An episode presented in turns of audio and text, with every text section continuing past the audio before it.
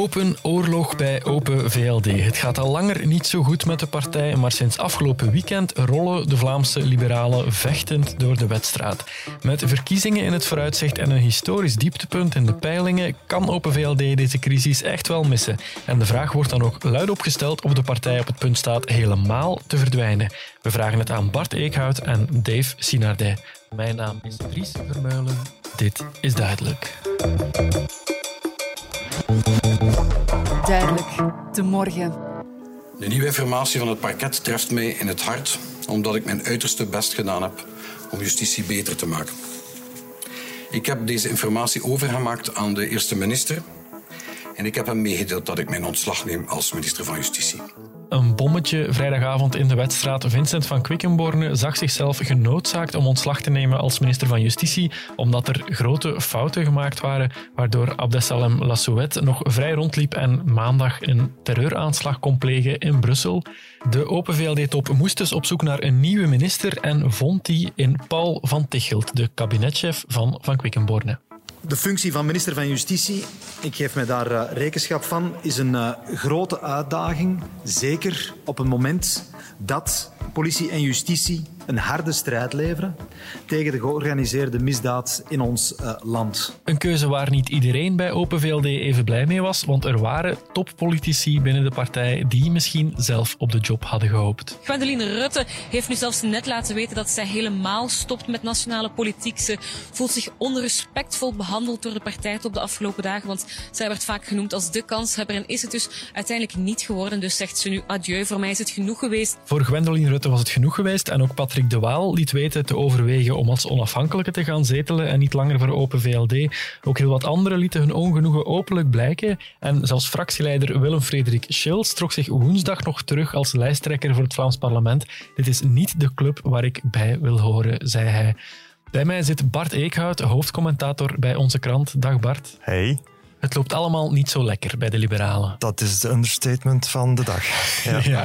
ja. Um, ja, daarover gaan we het hebben in deze aflevering. Dat is niet helemaal nieuw dat het niet goed gaat mm -hmm. met Open VLD, maar het is het afgelopen weekend wel in een stroomversnelling gekomen. Klopt. Het uh, begint eigenlijk allemaal, als we dan tot dit weekend beperken, bij het uh, op zich ook al verrassende ontslag van Vincent van Quickenborne, vrijdagavond. Uh, omdat dan toch gebleken was dat er op het parket een fout gemaakt was bij de opvolging van de man die dan die aanslag gepleegd heeft maandag in Brussel. Van Quickenborne toch de, de, de laatste steunpilaar van, uh, van, van, van uh, Alexander de Croo. Laatste steunpilaar van de Croo in de regering, ook wel een beetje in de partij. Uh, de man die de brug maakte tussen partij en, en, en regering. Um, dus een heel belangrijke figuur eigenlijk binnen die partij. Die valt dan ineens ja, feitelijk weg. Hè. Hij is niet helemaal weg, maar hij zit niet meer op die positie. En dan moest er een opvolger gevonden worden. Daar heeft de partij dan nog even mee gewacht, omdat er uh, op een bepaald moment zaterdag uh, de hele regering eigenlijk aan een zijden draadje hing. Hè. Het zou kunnen dat ook Verlinden dan, uh, minister Verlinden van CD&V ontslag zou moeten nemen. Dat is allemaal niet gebeurd. Toen dan duidelijk werd van goed, we, gaan, we kunnen door met de regering, um, heeft Open VLD dan, dan ook doorgezet met de opvolger van Van Quickenborne. Dat is dan uiteindelijk verrassend, ook alweer verrassend, Paul van Tichelt geworden. Ja. Ja, en toen zijn er heel veel mensen uh, ontgoocheld uh, uh, alle kanten beginnen uit te lopen. in de eerste plaats Gwendoline Rutte, die een beetje had gehoopt zelf. Um, de nieuwe minister van Justitie te worden. Ze is juriste, ze heeft ervaring, ze vertegenwoordigt een beetje een andere flank van de partij dan de Croo, dus ze kon een beetje een verzoenend figuur zijn. Dus intern partijtechnisch leek dat misschien inderdaad een een interessante keuze, maar de partij heeft anders geoordeeld dat er andere prioriteiten waren, strategisch bijvoorbeeld um, vernieuwing in Antwerpen en die mm -hmm. vertegenwoordigt dan Paul van Tichelt. En daarna zijn ja, tal van mensen beginnen uh, roepen dat ze niet naar het partijbureau meer willen komen, dat ze dreigden um, onafhankelijk te gaan zetelen. Uh, dus de hele partij uh, stoof uit elkaar. Ja, en de achtergrond is natuurlijk uh, dat die partij, zoals je zei, er al langer heel slecht uh, voor staat. Zeker ook in de peilingen. Wat betekent dat uh, de verkiesbare plaatsen volgend jaar bij de, bij de stembusgang heel beperkt zullen zijn. Ja, en, en dat er heel veel mensen ontgoocheld gaan zijn. En die angst, die paniek, die frustratie, die, die voel je nu al. Ja, volgend jaar zijn er verkiezingen. Als we de peilingen mogen geloven, scoort Open VLD dan, als het verloopt zoals het op dit moment er naar uitziet, nog 8 procent. Mm -hmm. Dat is ooit wel eens anders geweest. Ja. Hoe verklaar je dat? Hoe komt het dat die partij zo klein geworden is? De grond van de zaak, en dat is eigenlijk een probleem dat je uh, sowieso niet meer opgelost krijgt tegen 24. De grond van de zaak is dat die partij kapot geregeerd is. Dat is een heel zware term, maar daar komt het dan toch een beetje op neer. Uh, eigenlijk zitten die al sinds, volgens mij sinds Verhofstadt 99, eerste regering Paars-Groen, onafgebroken in, in de regering. We hebben een paar periodes gehad dat we eigenlijk geen regering hadden, maar goed, ze waren altijd in de buurt van, van, van, van de regering, ja. federale regering. En al die tijd hebben ze eigenlijk zich vooral bezig gehouden met regeren. En, en, en Open VLD is eigenlijk van nature een ideeënpartij uh, met, met een best wel een, een, een heel helder liberaal profiel. Maar in de praktijk is dat profiel helemaal verwaterd. Hè. Ook, neem bijvoorbeeld iemand als Gwendolyn Rutten, die nu op het schild gehesen wordt als een van de laatste uh, echte liberalen. Gwendolyn Rutten heeft als partijvoorzitter uh, de partij in een ja, interessante, maar merkwaardige blauw-groene richting gestuurd. Zij heeft mee bijvoorbeeld uh, die partij vol achter de kernuitstap gezet. Ja, de partij moet daar nu helemaal van terugkomen, omdat dat geen populair standpunt is, ook geen erg verstandig standpunt, zelfs voor niet-liberalen. En, en, en, en wat de partij dan doet, is die bocht niet erkennen. Mhm. Alsof kiezers het zomaar moeten normaal vinden dat een partij drie, vier jaar geleden uh, voor een kernuitstap is en nu compleet tegen. En zo kan je vijf, tien dossiers, belangrijke kerndossiers voor een centrumpartij, voor een liberale partij noemen, waarin de partij het A zegt en B doet en vervolgens B zegt en dan terug weer A begint te doen. En kiezers raken dat moe. En ze hebben ook alternatieven. Ze hebben alternatieven op rechts met N-VA, ze hebben alternatieven in het centrum met CD&V die terug een beetje begint op te leven en ze hebben mhm. alternatieven centrum links met, met vooruit. De partij zat eigenlijk al een tijdje toch wel wat gevangen in twee strategieën die er konden zijn. Uh, een voorzitter met een bepaalde lijn en dan een premier. En je moet eigenlijk duidelijkheid creëren. En wat we hier doen is een positieve keuze voor het politiek leiderschap van Alexander de Croo. In juni van dit jaar stapte Egbert Lachart al op als voorzitter van Open VLD. Wat toen mhm. al een heel duidelijk teken was dat daar aan de top van alles misliep. Dat merken we nu nog veel beter. Nu uh, verschillende topfiguren van Open VLD hun onmin laten blijken, dreigen met uit de partij te stappen. Kan zoiets echt het einde betekenen van een partij? Er wordt gesproken van een implosie. Kan het zijn dat Open VLD straks ophoudt te bestaan? Ik sluit dat helemaal niet uit. Er wordt vaak in, in, de kranten gesproken deze week over het VU-scenario. Voor onze mhm. jonge luisteraars moeten misschien even uitleggen waarover dat gaat. Uh, maar we hebben inderdaad een partij gehad in dit land, en dat is op zich vrij uniek, die, ja, die ontploft is, die, die, die, die, die zichzelf uh, vernietigd heeft door uh, interne conflicten. De Volksunie. Dat was de Volksunie. Dat speelt zich af ergens rond begin jaren 2000 einde van de uh, eerste regering Verhofstadt. Met Bert Anciot, die uh, een, een, meer naar de linkerkant neigde. En dan figuren als Geert Bourgeois, die meer naar de rechterkant neigde binnen die Vlaams-nationalistische partij. Uh, de boel is ontploft. Uh, de groep van Bert Anciot is eerst met heel veel succes heeft zich aangehecht bij, bij, bij de toenmalige SPA. Dat is dan Spirit en ID21. En de andere kant, die leek uh, gedoemd. Uh, dat, is de, de, mm dat is dan de NVA geworden. Maar uh, de geschiedenis heeft de doemsprekers over de NVA uh, op een geweldige manier uh, ongelijk gegeven. Want ja, dat is nu de sterkste partij van het land. Ja. Zie je op de korte termijn Open VLD dan ook op een gelijkaardige manier uiteenvallen? Dat ze die partij zoals we ze kennen, bijvoorbeeld de verkiezingen zelfs niet meer haalt? Ik, ik, vermoed dat er nog wel een vorm van Open VLD uh, eh, zal, zal deelnemen aan de verkiezingen. Ik weet niet of het zo catastrofaal gaat worden de komende weken. Maar ik, dat ze een hele zware afstraffing krijgen bij die verkiezingen en dat er daar conclusies uitgetrokken worden. Ja. Die leiden tot het verdwijnen van, van de partij Open VLD zoals we ze nu kennen en bijvoorbeeld de oprichting van een nieuwe liberale partij of het opgaan in een een of ander andere groter geheel. Dat moeten we niet uitsluiten. Maar of we nu tussen dit en, en, de komende dagen, uh, komende dagen, komende weken, uh, meteen het einde van de partij gaan kennen, dat weet ik nu ook weer niet. Ik zeg altijd, a week is a long time in politics. Uh, naar uh, Harold Wilson, voormalig Brits premier, die dat zei in de jaren 70.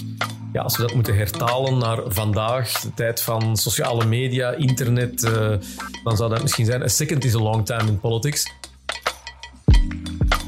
Er kan inderdaad veel gebeuren op heel korte tijd. De justitieminister die ontslag moest nemen, de minister van Binnenlandse Zaken die bijna dezelfde weg opging, partijkopstukken die ermee ophielden. Het gebeurde plots allemaal in één weekend. Van een implosie van Open VLD wil politicoloog Dave Sinarde dan ook nog niet meteen spreken, want wie weet wat gebeurt er nog allemaal tussen dit en de verkiezingen in juni volgend jaar. Het zou zomaar ook weer allemaal de goede kant op kunnen gaan voor de liberalen, al ziet het daar voorlopig niet bepaald naar uit ja, het is ook een, een self-fulfilling prophecy op de duur. Hè? Dus Mhm. je hebt een slechte peiling. Daardoor ontstaat er intern heel veel paniek. Hè? Want heel veel mensen denken, oei, ik ga misschien mijn zetel verliezen. Ja. Eh, dat creëert conflicten, dat creëert spanningen. eh, die komen naar buiten. Ja, daardoor krijgt de partij nog een slechter imago. Komt er nog meer conflict. Dus dat is natuurlijk wel echt een, een heel negatieve spiraal waar die partij op dit moment in zit. En eerlijk gezegd zie ik op dit moment ook niet heel veel tekenen dat de partij uit die negatieve spiraal zal kunnen komen voor 9 juni. Uh, maar ja, je weet natuurlijk nooit. Nee, dus een, een echte implosie van de partij, dat ziet u niet meteen gebeuren. Maar het is niet uitgesloten dat als die verkiezingen straks tegenvallen, zwaar tegenvallen voor de liberalen, dat de partij echt helemaal uit elkaar valt ja, je voelt wel binnen Open VLD dat er natuurlijk dat ideologische verschil is tussen die meer linksliberale strekking en die meer rechtsliberale strekking. Mm -hmm. Tegelijkertijd zijn er heel veel persoonlijke spanningen. En ja, houdt een project Open VLD dat uh, steeds minder populair wordt, al die mensen natuurlijk ook steeds minder samen. Dus het valt niet uit te sluiten dat na de verkiezingen een aantal mensen van Open VLD zich misschien eerder gaan aansluiten bij een meer progressieve politieke partij en een aantal anderen dan eerder naar een meer rechtsconservatieve formatie gaan. En ja, dat die partij dan ofwel echt ophoudt te bestaan, ofwel zich volledig zal moeten heruitvinden rond misschien nog een harde kern die zou overblijven. Het zou wel raar zijn dat er geen liberale partij als dusdanig meer zou bestaan in het Vlaamse politieke landschap. Want dat is toch, uh, ja, ook internationaal blijft dat natuurlijk toch wel een, een belangrijke ideologische strekking die in de meeste landen nog steeds autonoom aanwezig is. Uh, het is ook een van de drie grote traditionele partijfamilies in België. Dus als Vlaanderen echt geen zelfstandige liberale partij meer zou tellen, ja, dat zou toch wel een, een belangrijke revolutie zijn in het partijlandschap. Maar ik zie dat dus nog niet direct uh, gebeuren. Maar ja, we zetten wel alsmaar meer stappen in die richting. Bestaat de mogelijkheid dat dat gat, dat dat, dat dat plekje in het politieke landschap wordt opgevuld door iets anders dan Open VLD? Dat er een nieuwe liberale partij zou komen, bijvoorbeeld, die die plaats inneemt? Ja, er is ook al wel een aantal keren sprake geweest de voorbije maanden, eventueel van een, ja, nog een liberaal alternatief. Ja. Dus nog een soort andere beweging of partij die ook zou opkomen naast Open VLD. Maar die kans lijkt me toch wel enorm klein. Er is nu al heel veel drukte op die rechterzijde van dat politieke landschap. Ja, uh, de vraag is al hoeveel stemmen Open VLD nog gaat halen. Als je daar nu nog een andere liberale partij naast zet, ja, dan, uh, dan wordt het echt wel veel van het goede. Uiteindelijk heeft ook Jean-Marie de Dekker afgezien van de keuze om zelfstandig met een soort liberaal rechtsalternatief op te komen. Uh, wat nog wel zou kunnen, is dat een aantal uh, van de mensen die nu binnen Open VLD zitten, dat die hun gading gaan zoeken bij een uh, andere partij. Ja, in het verleden zijn een aantal kopstukken van Open VLD ook al naar N-VA gegaan. Hè. Ik denk aan Lorin Parijs, Annick de Ridder en, en, Ludo van Kampenhout, meer specifiek in Antwerpen. Ja, nu nog niet zo gek lang geleden zat een andere traditionele Vlaamse partij, SPA, in gelijkaardig vaarwater, zeer slechte peilingen, um, een, een voorzitter die ontslag nam. En die is er eigenlijk bovenop gekomen door een jonge kerel die het allemaal heeft omgegooid, er een volledig nieuw project van heeft gemaakt. En tot nu toe heeft dat zijn partij nog geen windeieren gelegd. Is zoiets misschien een optie voor Open VLD? Heeft dat nog kans op slagen? Ja, het is zeker niet uitgesloten dat uh, Open VLD uh, in de toekomst, uh, wellicht dan na de verkiezingen, ja, misschien door een generatiewissel, een nieuwe leider, uh, terug er bovenop komt. Hè. Er is op zich zeker een markt in Vlaanderen voor een liberale partij, redelijk progressief op, uh, op ethische thema's, individuele vrijheden en uh, rechtser op socio-economische issues. Die markt is er zeker. Uh, maar ja, het kan, het kan inderdaad natuurlijk verkeren, een beetje afhankelijk van wie dat product dan in de markt kan zetten. En ik kan me wel inbeelden als, uh, als er een nieuw uh, liberaal verhaal zou kunnen geschreven worden met nieuwe boegbeelden, dat dat nog wel een succesvolle toekomst tegemoet kan gaan. uiteindelijk veel landen ook het socialisme in Vlaanderen afgeschreven na de vorige verkiezingen.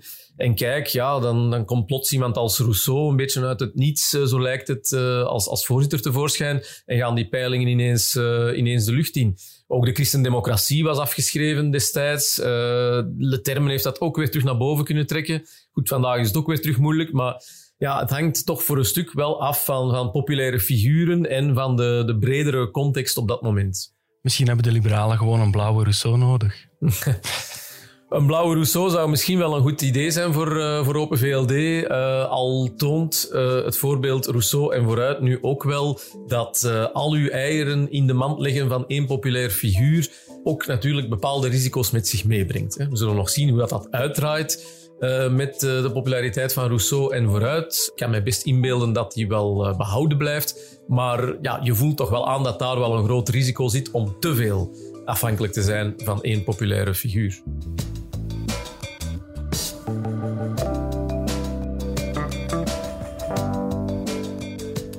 Bart, in de marge van het politieke landschap in Vlaanderen ontstaan er al nieuwe liberale initiatieven. Els Ampe bijvoorbeeld, uh, die al een tijdje geleden uit de partij is gestapt, uit de Open VLD, die is aan een eigen partij aan het werken. Heeft dat kans op slagen? Nu spreek ik echt wel over de marge, zoals je zei. um, met, alle, enfin, met alle respect, hè, maar, maar eigenlijk, als ik het goed begrijp, wordt het een beetje een samenraapsel van een aantal initiatieven die allemaal te licht wegen om op eigen benen iets te betekenen en die hopen dat ze samen tot, tot, een verband komen. Hè. Dat, we hebben het dan over de restanten van de, de LDT van Jean-Marie de Dekker, die dan toch voor NVA heeft gekozen. Je hebt het over uh, een wat meer progressievere Vlaams-nationale mini-partij zoals Vista. Je hebt het over mensen die ja, zich verbonden hebben na de, na de coronacrisis, die partij Vrijheid, die ook nog altijd ergens in de lucht zweeft zou kunnen dat, dat zij samen uh, um, iets kunnen doen of, of ze de kiesdrempel gaan halen. Dat lijkt me al heel erg moeilijk. Bovendien speelt er bij die partijen, uh, daar moet ook heel eerlijk in zijn, toch een beetje een persoonlijkheidskwestie. Het zijn vaak mensen die zichzelf nogal graag uh, gelijk geven. En om dan een aantal van die mensen samen uh, rond een tafel te krijgen, dat lijkt me toch een heel moeilijk verhaal te worden, sowieso. Ja, en zoals we al zeiden, Rousseau heeft misschien wel aangetoond dat die oude klassieke partijen wel degelijk te reanimeren vallen. Mhm. En dat is dan interessanter dan iets volledig nieuws te beginnen. Wel, um, de, de, de, de, analyse die we misschien ook in deze podcast uh, een paar maanden geleden nog gemaakt hebben, dat het, het, het, politieke centrum in Vlaanderen dood is, mm eigenlijk klopt dat niet meer. Um, je hebt klassieke partijen die terug met een totale uh, herbronning dat centrum aan het herveroveren zijn. Eigenlijk heeft vooruit vanuit een linkerkant dat centrum heroverd. Ze doen dat met uh, standpunten die vaak uh, dicht aanleunen bij, bij, bij, bij het conservatieve of het rechtse, dan vooral op het, als, het, als het dan gaat over het culturele ehm, migratiethema.